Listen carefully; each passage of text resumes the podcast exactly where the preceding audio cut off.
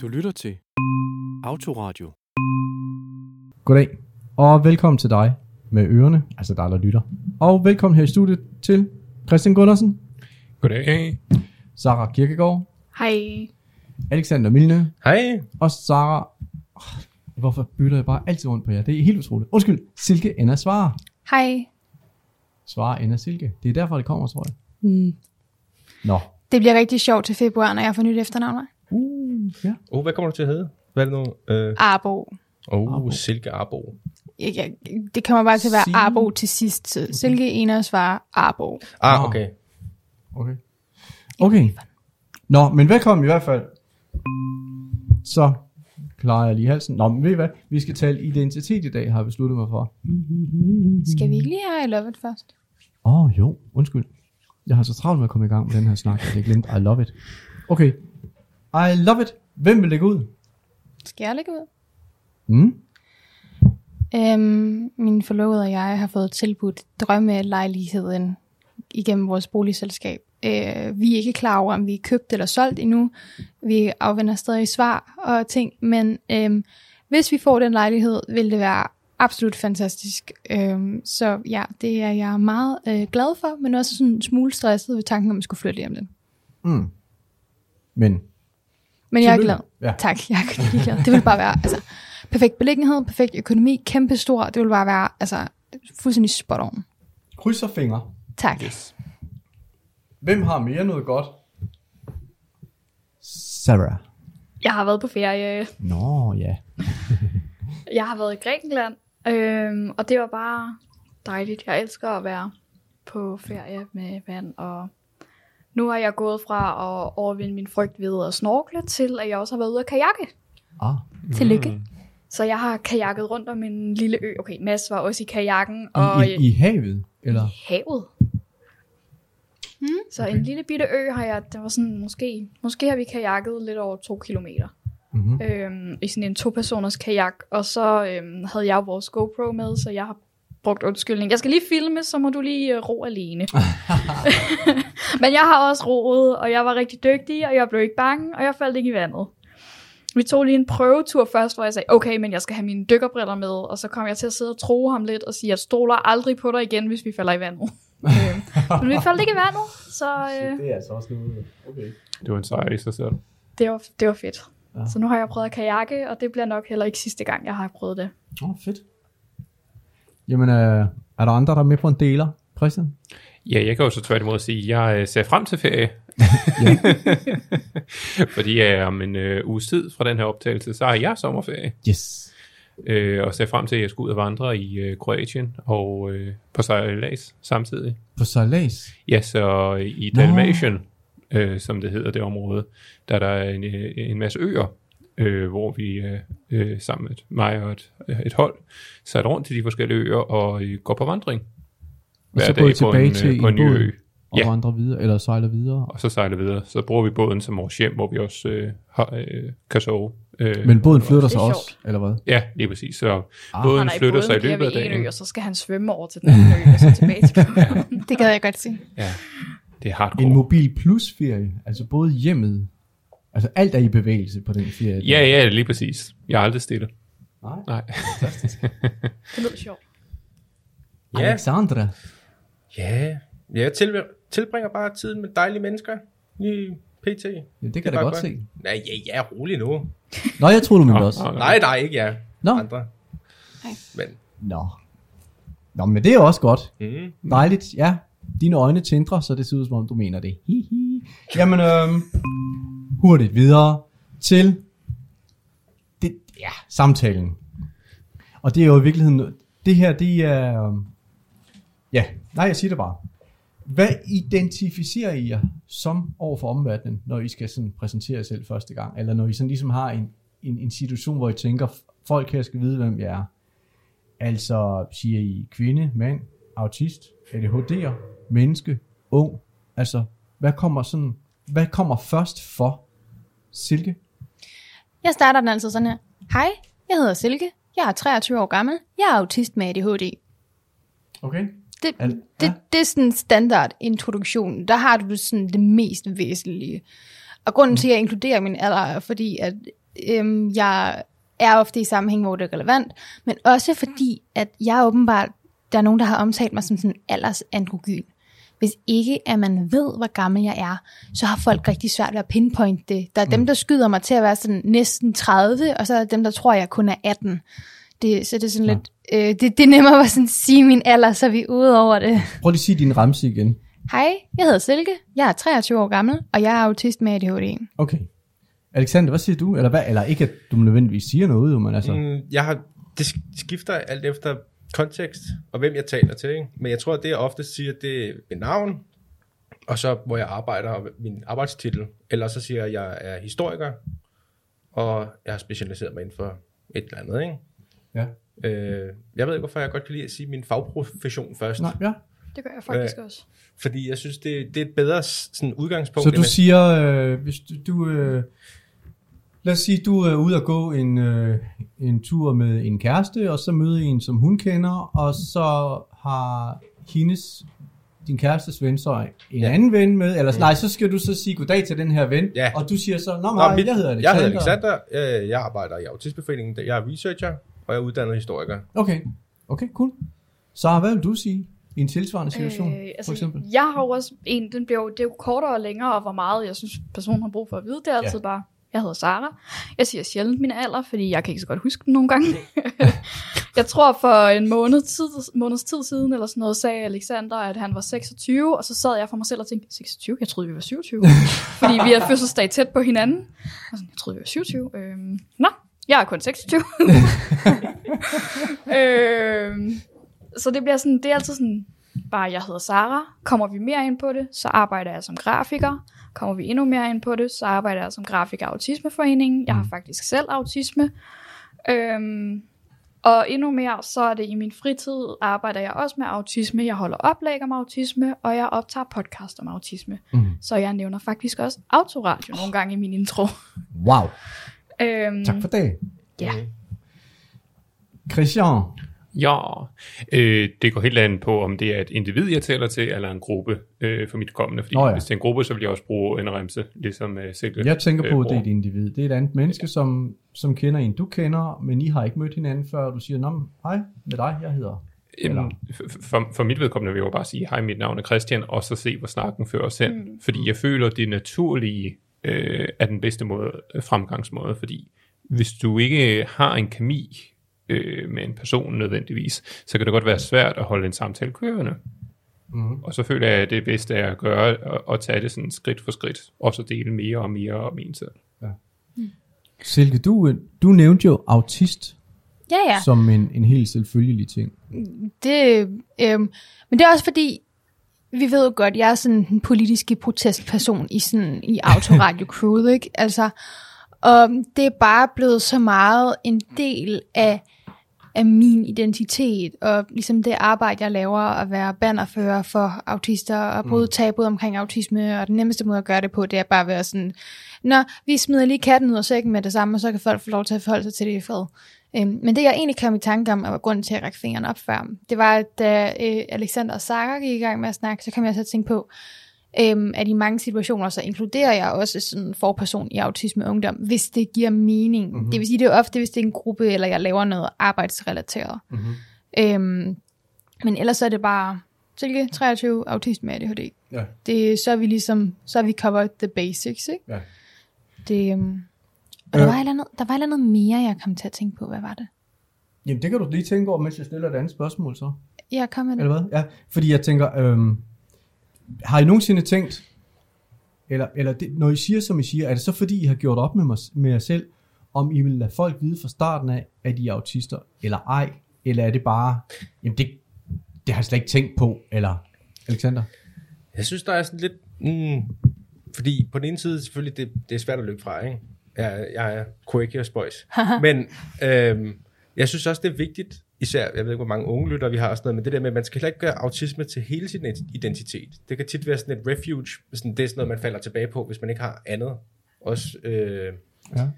jeg har, jeg kan ikke sige, hvilken fætter, men jeg har en fætter, der er nydiagnostiseret. Det er rigtig svært for ham også, det her med skolen og vennerne, og også det her, så har han mødt en, en kammerat, der også har autisme, som hans forældre så er jo så lidt bange for, at han minkler for meget med, for de er ikke så ens med deres autisme. Ham her, det vennen, har det måske meget sværere, og så kommer mm-hmm. min fætter til at øh, måske spejle sig for meget i ham, og også kommer til at, at måske gøre sin egen træk mere udtalte, eller prøve at leve op til nogle Ja, andre. sådan i et forsøg på at finde sig selv i autismen. Ja, præcis. Ja. Ja. Og det er, jo, det er jo rigtig ærgerligt, Ja. ja. hvis han gør det. Mhm. Og så jeg skal også jeg skal snakke med ham om det. Jeg har inviteret ham på besøg hjemme hos mig. Så vi skal have sådan en, Fino. en autisme-talk-dag. Hvor Men altså, man, Men, men, øhm, man skal passe på med at gøre det til en... jeg synes, man skal passe på med, at, eller hvad med at gøre det til sin identitet. Mm. Fordi også når man Men det har du også gjort op med dig selv så. Altså, har det er sådan et ja. bevidst valg. Ja, ja. Det er det. det er også fordi, Ja. Nu fik jeg også diagnosen. Men hvad skulle tale for, hvad skulle tale for det modsatte? Altså, det er det her... Øh, hvad får dig til at tænke, at der kunne også være en god grund til at sige det? Selvfølgelig. Det er jo også det her med, at så, hvis man siger, jeg er autist, så skal man også lige forklare, hvad det er. Ikke? Nu et godt eksempel, det er, jeg har opdaget noget ret sjovt. Øh, det er, at der er rigtig, rigtig mange autister, der hedder peberfrugter. Meget interessant, ikke? Ja, det, det har det. jeg jo faktisk opdaget. Hey, lige hurtigt. Er der nogen herinde, der ikke kan lide peberfrugter? Der ikke kan lide peberfrugter. Ja. Jeg hader peberfrugter. Du hader peberfrugter, Christian. Jeg har ikke noget mod dem. Silke. Øhm, det kommer an på farven. Ja, det, Okay, okay, det er delvis- rigtig, rigtig mange autister, Delvis der ikke... bekræftet, ja. Men i stedet for, så kunne man... Det er jo det der med identitet, ikke?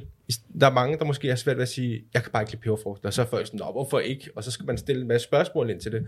Hvis man bare siger, hvis man så siger, jeg er autist, derfor kan jeg ikke lide peberfrugter, så bliver det nemmere. Det bliver Okay, så det er det, der har fået Det- dig til nogle gange at tænke, eller det er det, der, det, er Ja. det, der skulle trække imod at sige det, fordi Præcis. så behøver man ikke at forklare Det er sine præcis. Så, er det, så har man forklaringen der. citationstegn særheder. Ja, præcis. Ja. Ja. Så, så er folk mere forstående, så har man Yes. skjold, skjoldet allerede der, ikke? Ja. Må jeg hoppe videre til, til, Yes. til Sara? Selvfølgelig.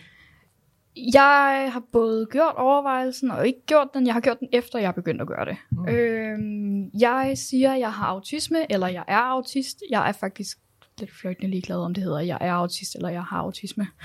Øhm, men jeg siger det afhængig af, øhm, forklarer det noget? For eksempel forklarer det, hvorfor så meget af mit liv handler om autisme, både fritid og arbejde? Eller påvirker min autisme andre eller noget? For eksempel, når jeg er til en ny læge. Det er meget rart for dem at vide, at jeg har autisme. En ny arbejdsplads. Mm. Det er ret rart at få dem at vide, at jeg har autisme. eller Ja. folk, jeg skal omgås med i længere tid, så er det nogle gange meget rart at vide, hun er lidt mærkelig, fordi hun har autisme. Skal jeg bare lige introducere mig selv, så giver mm. det måske ikke mening. Men mindre jeg introducerer alt mit arbejde, mm. så giver det mening. Så du laver sådan en, hvad skal man sige, behovsanalyse hos, Ja. hos den, du møder. Ja. Hvordan, hvordan påvirker det, altså det Ja. jeg siger, hvordan påvirker det dem, om Yes. jeg nævner, at jeg har autisme? Ja. Har de brug for, for det for at få forklaret, hvorfor Mhm. mm-hmm. alt i mit liv handler om autisme? Eller har de brug for at vide det, fordi jeg kommer til at gøre noget, der påvirker dem senere? ja.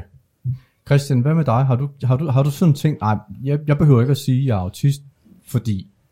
Eller har du haft diskussion med dig selv? Ja, det selvfølgelig er det.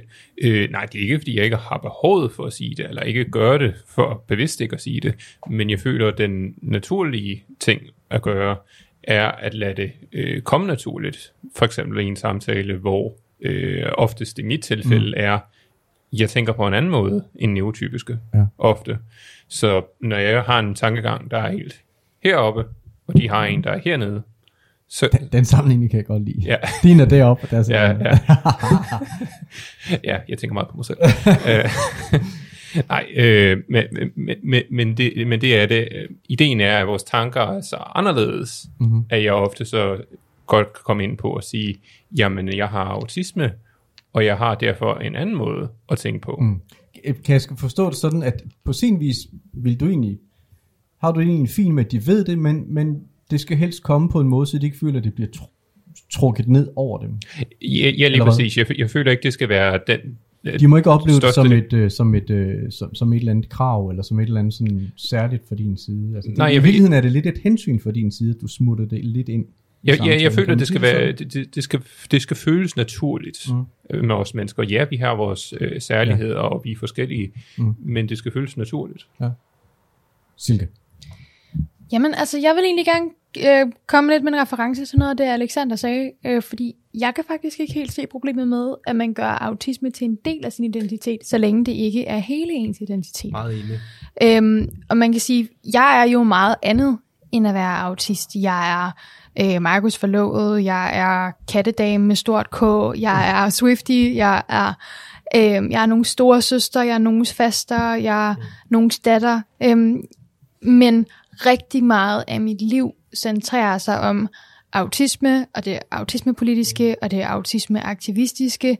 Og derfor, så når jeg er i en situation, hvor jeg skal introducere mig selv for nye mennesker, så er det, er det svært at komme udenom den autistiske del af min identitet. Mm. Øhm, og så er jeg også bare heldig, at altså, jeg har indrettet mit liv på en måde, sådan så altså, når jeg arbejder, så er jeg stort set kun sammen med autistiske mennesker. Og øhm, der giver det ikke altid, altså der er det ikke lige så relevant at nævne det, fordi vi kører på samme frekvens, så mm. det hele er bare sådan, det er sådan rimelig naturligt. Mm. Øhm, og hvis ikke man har sat fokus på elefanten i rummet inden, så kan man sådan crack det med en joke i sådan en setting, ikke? Sådan mm. delen af autisme meme eller sådan et eller andet, og så er vi ligesom ud over det, ikke? Ja. Så, men, men det, det, er en, det er en stor del af min identitet, også fordi, at uanset hvad jeg gør, så gør jeg det autistisk. Når jeg vasker op, gør jeg det autistisk, mm-hmm. fordi min baseline styresystem er autistisk. Ja. Så. Så? Øh, jeg kom bare til at tænke på sådan en anden sammenligning. Tit så med ens identitet, om man kalder sig autist eller ej, det bliver rigtig tit spurgt i forhold til jobsøgning. Øhm, og der er det også sådan, det er også et godt eksempel på, hvor, hvor meget der skal til, før jeg nævner autisme. Jeg siger det ikke i et CV eller en ansøgning, fordi det giver ikke rigtig mening, og jeg skal ikke bruge ret lang tid med dem. De bruger lidt tid på at læse den, og det er det. Hvis jeg skal til samtale, så mm. nævner jeg, at jeg har autisme, fordi så lægger jeg lige pludselig mere energi og tid i personen. Mm. Så giver det mening, de ved, at jeg har autisme. Men det er ikke for at skjule det, det er bare sådan, at det er et af de faktorer, der er mest relevant for dem lige nu. Mm. Mm. Mm. Øhm, og når tit så er mit navn mere relevant end min diagnose. Jeg kunne lige så godt også sige, at jeg har en stofskiftesygdom. Ja. Den påvirker også min hverdag rigtig meget. Mm. Så det er det der med, at er det relevant for vedkommende at vide lige nu? Ja, og hvis relevant? man er til jobsamtale, giver det, så er det relevant. Men hvis de bare kigger på dit CV og skal vurdere, om du overhovedet er relevant at kalde til samtale, så er det jo ikke. Altså. Så er det fuldkommen ligegyldigt. Så er det ikke det, de skal kigge på først. Så skal de kigge på mine færdigheder først. Så bagefter, så skal de vurdere mig som person. Så kan de få at vide, at jeg har autisme. Mm. Det giver mening. Mm. Øhm, det, var det er også sådan, jeg når vi nævner vores arbejde, altså dit arbejde, dit liv handler om autisme. Det giver mening, du siger, at du har autisme. Lige så snart jeg nævner mere end bare min arbejdstitel, mm og siger, hvor jeg arbejder, så giver det mening at sige, at jeg har autisme, fordi det forklarer en hel masse. Mm. Nogle gange kan jeg godt føle, at jeg er lidt that guy, fordi jeg arbejder i Autismeforeningen, jeg er selv autist, jeg researcher autisme, altså det bliver meget indspist, ikke? Så jeg har også, altså det er lidt svært at give slip på, når man så er derhjemme også på en ja. eller anden måde. Jeg har virkelig overvejet, om man skal vælge at sådan lægge det fra sig, når man kommer hjem, sådan, for så man har sådan en arbejde, ikke arbejde, ind i hovedet også, ikke? Det er fandme svært. Mm. Øh, jeg har også nogle venner, nogle udvalgte venner, hvor jeg ved, det snakker jeg bare slet ikke med dem om. Også fordi jeg har kendt dem så længe, jeg har en ven, jeg har kendt i 20 år, ikke? Hvor at, øh, han ved godt, jeg er mærkelig, på min måde, og han er lige så mærkelig, øh, men jeg er ikke autist. Så jeg behøver ikke forklare ham tingene på den måde. Jeg behøver ikke sige det højt, eller tale om det. Han ved det jo godt, ikke? Men på en eller anden måde, så bliver det... Øh, det er noget, der bare kan være helt i baggrunden, og det synes jeg er rigtig mm. rart. Det er sindssygt vigtigt at have sådan en ven, føler jeg, det der med, sådan, så man for guds skyld kan tale om noget andet en gang imellem, så, så det kan komme ud af hovedet, fordi ellers kan det også, altså det bliver bare det samme, ikke? Det ord, det lever jo nærmest rentefrit ind i mit hoved. Altså det, gør, det kan virkelig blive for meget en gang imellem også, ikke? Mm. Øhm. Øh, ja, og, og jeg, jeg forstår sagtens den tankegang, fordi på den anden side, så har jeg det jo lige omvendt. Mm. Jeg bruger ikke så meget tid med autister, men jeg bruger næsten al min tid med neotypiskere. Mm. Så når jeg kommer hjem, så har jeg jo lyst til at tænke autistisk. Mm. Ja, så så det, det er jo sådan lidt sjovt, for jeg kan sagtens forstå det. Jeg har det bare ja. lidt omvendt. Ja, det, du, jeg, jeg er meget, rigtig meget i minoriteten. Ja. Det giver rigtig god mening. Øh, også det her med, at man har brug for nogle fællesskaber, hvor øh, autismen ikke er i centrum. Det er meget sådan, jeg har det, når jeg er sammen med min familie. Øh, jeg er blevet bedre til at lade være med at, øh, at tage arbejdet med hjem, når jeg er sammen med dem. Det er lidt sværere, når det er sådan min svigerfamilie, fordi at øh, de er meget øh, entusiastiske omkring mit arbejde, så de kan godt lide at spørge ind til det. Så, men når jeg er sammen med sådan min egen side af familien, så bliver det meget hurtigt bare alt muligt andet, vi snakker om, ikke? Jeg kan godt mærke, at det er svært, at der er så stort et overlap mellem, hvad mine interesser er og hvad jeg arbejder med, fordi det betyder, at jeg ikke har så meget andet end mit arbejde at snakke om. Nogle gange kan jeg godt være rigtig misundelig på sådan en som min forlovede for eksempel, som går super meget op i Dungeons and Dragons. Så han har noget, der ikke er arbejdsrelateret eller praktikrelateret. Han kan snakke rigtig længe om. Må jeg indskyde Taylor Swift? Ja, men da jeg har bare ikke ret... Altså, hvis folk skal vælge mellem at høre om autisme ungdom og at høre om Taylor Swift, så vælger de altså autisme ungdom i 9 ud af 10 tilfælde. Så er der Mille, jeg kan vise det rigtig... det kan jeg faktisk godt forstå, må sige. Så er der Mille, jeg kan vise billeder af, men der er grænser for, hvor investeret andre mennesker er i min kat. Ikke? Ja, Altså, ja, det er kat, irriterende. Kunne de ikke godt kigge lidt på flere billeder? Ja, lige præcis, ikke? Mm. Så det er bare, så, så, så det jeg sådan lidt har tilbage, det er, når jeg sådan, øh, jeg har nogle stykker, hvor vi sender altid sådan TikToks og Instagram Reels til hinanden, og det ender altid med at være sådan alt muligt autisme, ADHD, gøjl, vi så bare sender frem og tilbage. Oh, jeg kan også snakke om bryllupsplanlægning, det kan jeg snakke rigtig meget om i øjeblikket, men det er sådan en temporary, og det har faktisk været en lettelse at have den her bryllupsplanlægning, fordi så har jeg et safe topic, som det giver mening, at folk er investeret og interesseret i. Det er noget, folk kollektivt forstår, hvad er, lige så snart man sådan breaker det første ja. ord, og det bliver ikke niche arbejdsrelateret. Så.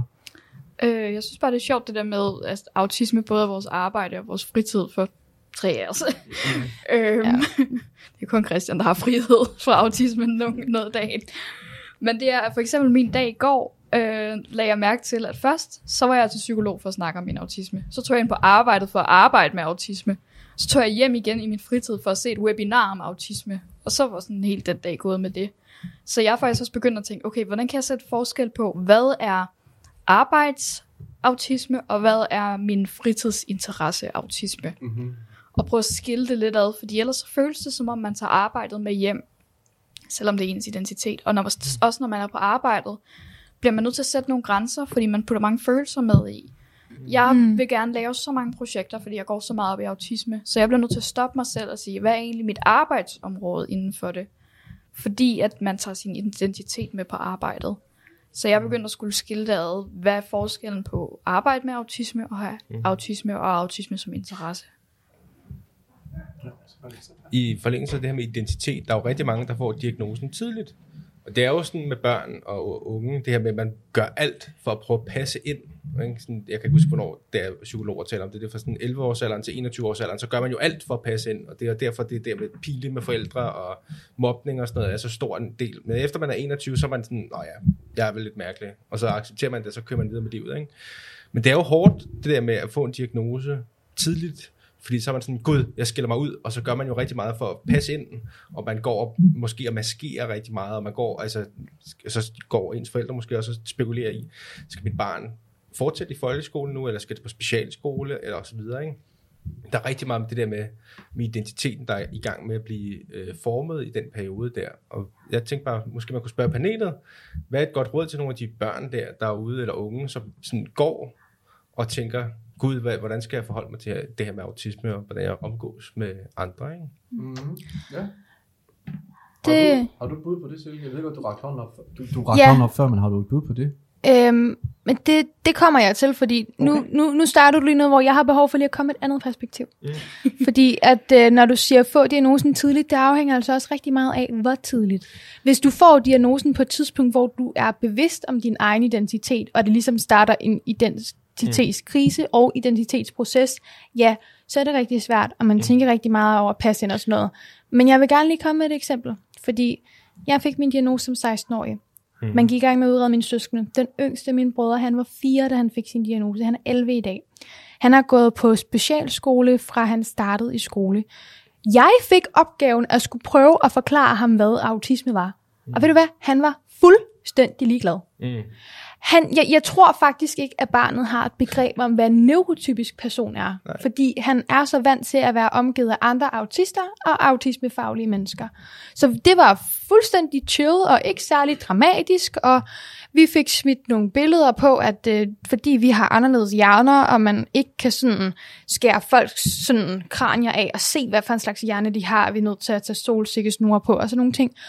Og vi snakkede bare hyggeligt om det, snakkede lidt om, hvad for nogle autistiske træk vi hver især har, og så var han bare videre. Så jeg tror også, det handler rigtig meget om, om du bliver sat i en ramme, hvor du føler dig forkert. Bliver du sat i en ramme, hvor klart. du både har forståelsen af din egen identitet, og får følelsen af at være forkert, og derfor oplever, at din autisme er med til at gøre dig forkert. Har der været en identitetskrise, eller har det bare været en del af, hvem du var fra dag i dag, basically? Sarah. Det er jo også lidt sjovt, fordi i panelet har vi jo Christian, der får diagnosen før, at han begynder at danne identitet. Mm. Silke, der får den lige midt i der, hvor man arbejder på sin identitet. Og for eksempel, jeg kan ikke huske, hvornår du fik den. Jeg var 12. du er bare mærkelig. Jamen, det Så er det, fordi... og så er der mig, jeg får den jo der, altså i starten af 20'erne, hvor jeg er ved at være færdig med at have dannet min identitet, så vi får dem jo sådan Ja, rimelig men, løbende. men mm. det interessante er, at gennemsnitsalderen for at få en diagnose er 11,5. Så jeg er jo faktisk den, der er mest repræsentativ Ja, du, er den- du er den normale. øh, på det punkt. Ikke? Og det er jo faktisk lige der fra, altså lige puberteten, det er der, man danner identitet. 11 Ja. års alderen til 21 cirka. Ikke? Og det er jo Så der, du har fået den i starten, og jeg har fået den i slutningen, Lige og præcis. Silke, hun bliver bare kastet Og det... midt i identitetsdannelsen. fordi, Altså identitetskrise as fuck, siger jeg bare. så der er, Ja. ja. der er nok mange, der får den der identitetskrise, og ja, det er jo ikke spor nemt. Hvordan oplevede du det, Christian? Har du nogensinde haft en identitetskrise over at være autist? Jamen, det er jo sådan set meget fint, det du sagde før, det med, at øh, som du skulle forklare din øh, lillebror omkring det der med autisme, ikke? Mm. Jeg tænkte heller ikke over det, da jeg var barn. Mm. For jeg følte jo bare, at når jeg kom i specialskole, og så var der i Mm. De 11 år, jeg var der i virkeligheden, jeg jo ikke, at det var unaturligt på nogen måde. Jeg følte Nej, nej, bare, at det du- var naturligt. Det- Du, du spejlede dig jo i mennesker, der mindede om dig selv, og derfor så passede du ind, fordi du var autist. Og derfor undgik jeg en krise. Ja, Øh, netop. Jeg havde jo den omvendte, jeg kendte ingen andre. Så jeg gik og følte mig som den, der var meget mærkelig, og skilte mig meget ud, så jeg, gjorde, jeg blev sådan hyper opmærksom på mig selv, og sådan skulle passe samme ind. Så det var, jo, øh, det var også noget, men der var, mere, det var også øh, ADHD og sådan noget, og det var der heller ikke nogen, der havde. Så jeg gik jo og følte mig som den eneste i hele verden, der havde det. Og så var det sådan, det var meget hårdt, kan jeg huske. Jeg plejer, jeg plejer at beskrive det som følelsen af at være en alien på sin egen planet. Ja, præcis. Så? Det sjove er, at jeg fik jo næsten, man kan næsten sige, at jeg fik min diagnose på grund af lidt en identitetskrise.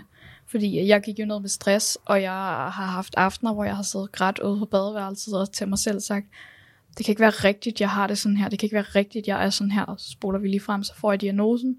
Så stopper den der identitetskrise. Så man så, ah, det giver mening. Mm-hmm. Der var en forklaring. Uh. Det find, der, der findes andre folk, der har det sådan her. Jeg er ikke mærkelig. Så altså, hvis man skal konkludere noget på det her, så altså, der er jo rigtig gode grunde til både at fortælle andre om, om, om at man er autist, øh, også at øve og den samtale, man har med sig selv. Fordi det er en del af jer, og nogle gange er det vigtigere end andre, og det, det, man, man kan ikke løbe fra den. Altså. Øhm, men øh, men øh, kan man give sådan et eller andet universal råd til? Ja. Ja, okay. Det er vigtigt, du spejler dig i mennesker med forudsætninger, der minder om dine egne. Hvis du som autistisk person mm-hmm. tager din sådan, øh, måler, om du er normal eller ej, ved at sammenligne dig med en masse neurotypiske, så kommer du helt sikkert til at føle dig forkert og få en identitetskrise og have det svært med at være autist. Mm-hmm. Hvis du måler, om du er normal ved at sammenligne dig med andre autister, så har du bedre forudsætninger for at opleve, at du er en del af et fællesskab og yes. opfatte dig selv som normal autist i citationstegn, ikke? Det kan alle vi andre neurotyper i øvrigt også bruge til noget, tænker jeg. Øhm, jeg har også lært lidt noget med, at altså når du, hvis du er alene om din diagnose, og det føles totalt mærkeligt, at du ikke ligesom din sidemarker eller et eller andet, de udvikler sig bare hurtigere end dig, og du, du føles helt forkert. Man skal ikke sammenligne sig med den ved siden af, du skal hele tiden sammenligne dig med dig selv. Hvem Mm, var du i går? I går kunne jeg ikke tage en bus. bus. Ja. ja, tage en bus. I går kunne jeg ikke tage en bus, men det kan jeg i dag. Mm. Det kan godt være, at min makker har kunne tage den hele tiden, men nu kan jeg også. Fordi jeg kunne ikke i går, jeg kan i dag. Mm. Hele tiden sammenligne dig med dig selv i går. Hvad kunne du i går? Hvad kan du i dag? Ja.